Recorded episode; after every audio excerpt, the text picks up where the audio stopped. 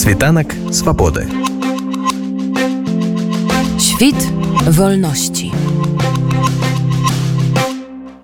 моєму трактуванні е, Олекса Довбуш власне не збирався бути ніяким опришком. Він не хотів бути ніяким героєм, хотів простого людського щастя на своїй землі з тим, кого любить. І обставини, випадок перший е, почав ламати його долю. Він намагався декілька разів виправити і все для цього робив, і все одно там на рівні персональних якихось історій і так далі. Його його позбавили волі спочатку, його позбавили там взагалі, хотіли позбавити життя, і він почав захищатися, тому що ніхто крім нього йому не міг допомогти. І власне його приклад цей він е, пізніше надихнув інших людей захищати власну землю, боротися за власну свободу. І це мені було дуже важливо, тому що дуже часто е, ну це був якби меседж фільму.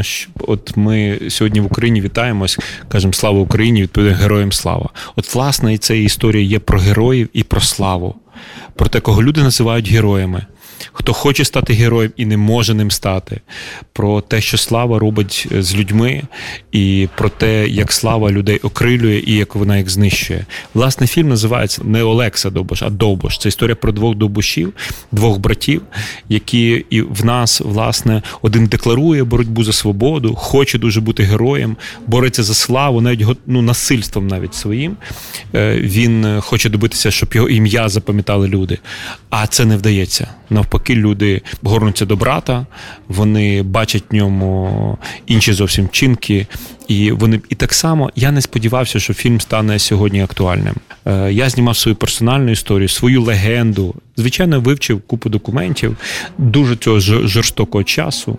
Люди були дуже притиснуті е, взагалі законами того часу, шляхтою. Шляхта взагалі вважала, що вони не поляки, не литвини, вони взагалі сармати. Вони вважали, що їх поставили на цій землі, щоб правити оцими смердами. І в той час зараз нам звично, що є ну, є національні держави. Тоді не було цього. Був король. Він дуже часто навіть не був е, місцевим в Польщі. Тоді це були ну на той момент це були саксонські королі, або а пізніше це б історія. Тобто, це ну зовсім зовсім інше розуміння, не те, що зараз. І під ними вже жили люди вільні відносно ремісники. Е, і так само серед них були і селяни, яких спеціально покріпачили, забрали них волі, і власне проти цього вони поставали. Коли їхні вольниці, їхні землі просто собі присвоювали знать, намагаючись розширити свої володіння, і це було проблемою. Так само в той час було становлення Російської імперії, яка до цього просто була московською московським царством. Вони хотіли влади, і як тільки в Польщі помер король, вони намагалися посадити всіми зусиллями правду, неправдою свого, підкуповували шляхту. Величезна кількість документів є про це. Вони роздирали цю річ посполиту. Власне, раз прямо оця така умовна демократія шляхти. Вона спочатку річ посполиту зібрала разом.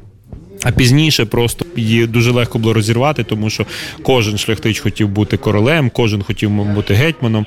Неможливо було прийняти якихось рішень. І на тлі цього всього величезна війна, яка спричинила ці народні повстання. І багато було таких месників, як Олекса Довбуш. Польські історії ми знаємо. Ну причому це між собою, от як Олекса, є український герой, і частково польський герой. Якщо на нього ну розглядати на нього сподівання навіть польських селян, так само була історія з. Яношиком, якийсь із словацькі. Тобто ці горяни, це люди вільні були завжди. Вони боролися за свою землю. Не було тоді такого ну, поділу, як тепер, якби національний, де ми між собою сваримося, чи він. А справді серед опришків були і навіть в Атазі Олекси були і Волохи, це теперішні румуни, були поляки, це відомо і достатньо багато. Це все люди, які тікали від війська, яких вважали там дезертирами. Це навіть була шляхта, панство, яке розорилося, вони так так само приставали. І фактично в мене в картині в мене ж так само є е, персонажі. Ну просто поляк, є Ян, який через цю всю картину, якби деякі разом з опришками, який прийшов боротися за свою свободу і за свободу своєї віри і своїх людей.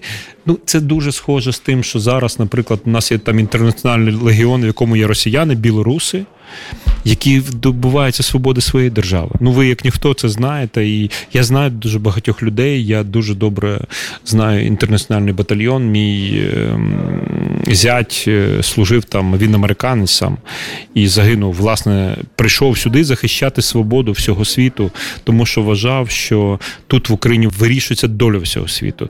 Він приїхав сюди, він побачив, він говорив, що він побачив просто якісь неймовірних людей, українців, які зараз надихнули його. Він зрозумів, що це найважливіше, що треба, і навіть написав заповідь, що він хоче, якщо він загине, то щоб був похований в Україні. Власне, ми це здійснили, але це було в нього. Навіть він хотів, щоб знали, що іноземці захищали тут Україну, захищали власне свободу інтереси, щоб люди бачили навіть ці могили іноземців, які загинули за Україну. Ну він так думав, що вони будуть розуміти, що українці не самі. Це я зараз говорю про те, що Історія зараз, доля, війна, вона вплинула на на всіх нас, на вашу долю, на мою долю.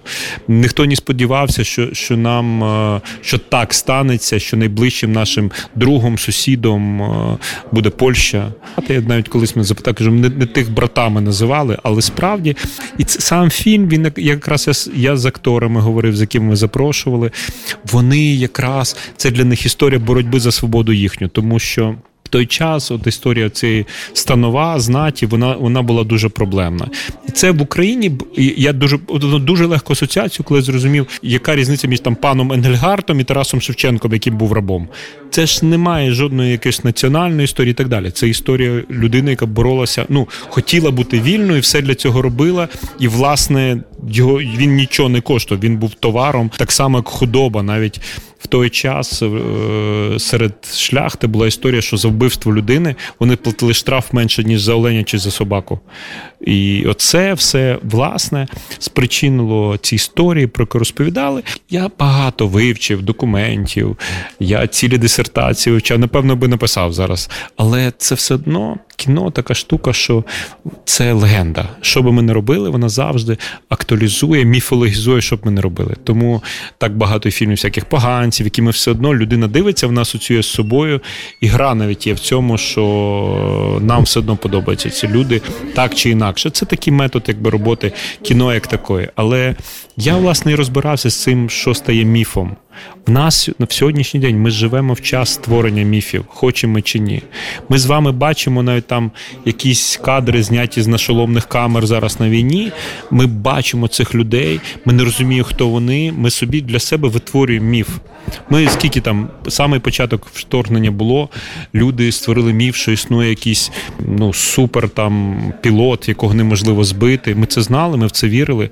Напевно, всі дорослі люди догадували, що це так неможливо, не так просто, але хотіли вірити, тому що людям потрібен цей герой, який їх врятує. Бо такий час, що нічого інше не живе. Ну чи ми зараз бачили.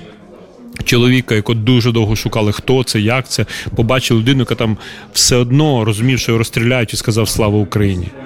І для нас це просто падіння. Я знаю дуже багатьох, до речі, там білорусів, які ну надзвичайно ризикують, виходять там на територію іншої держави, в мінус, як вони називають. Вони оці всі рейди роблять що, щоб показати. Це що пришки теперішні, щоб показати, що є люди, які творять опери. Тому ну фактично зараз актуалізувалося дуже таких багато речей. Оцей край, Тернопільщина. Ну для чого там УПА боролася до там 50-х років війна? Вони ж, начебто, програли. За що їм це було потрібно? Ні, вони показали, що народ, який здатен опиратися, колись отримує свою свободу. Ну, це власне той момент, який я робив в картині. Я не думав, що вони коли-небудь стане актуальна і так далі. Але ще один момент, що я хочу сказати, що ми надзвичайно поцінували в своїй картині, коли запросив акторів польських на роль польської шляхти і так далі.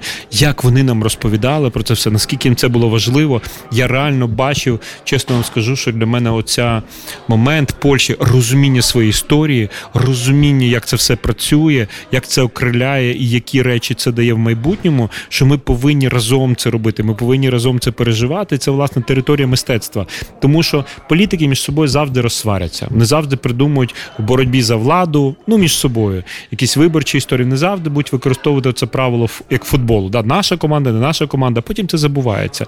Вони отримують якісь свої дивіденди, свої речі, і тільки митці.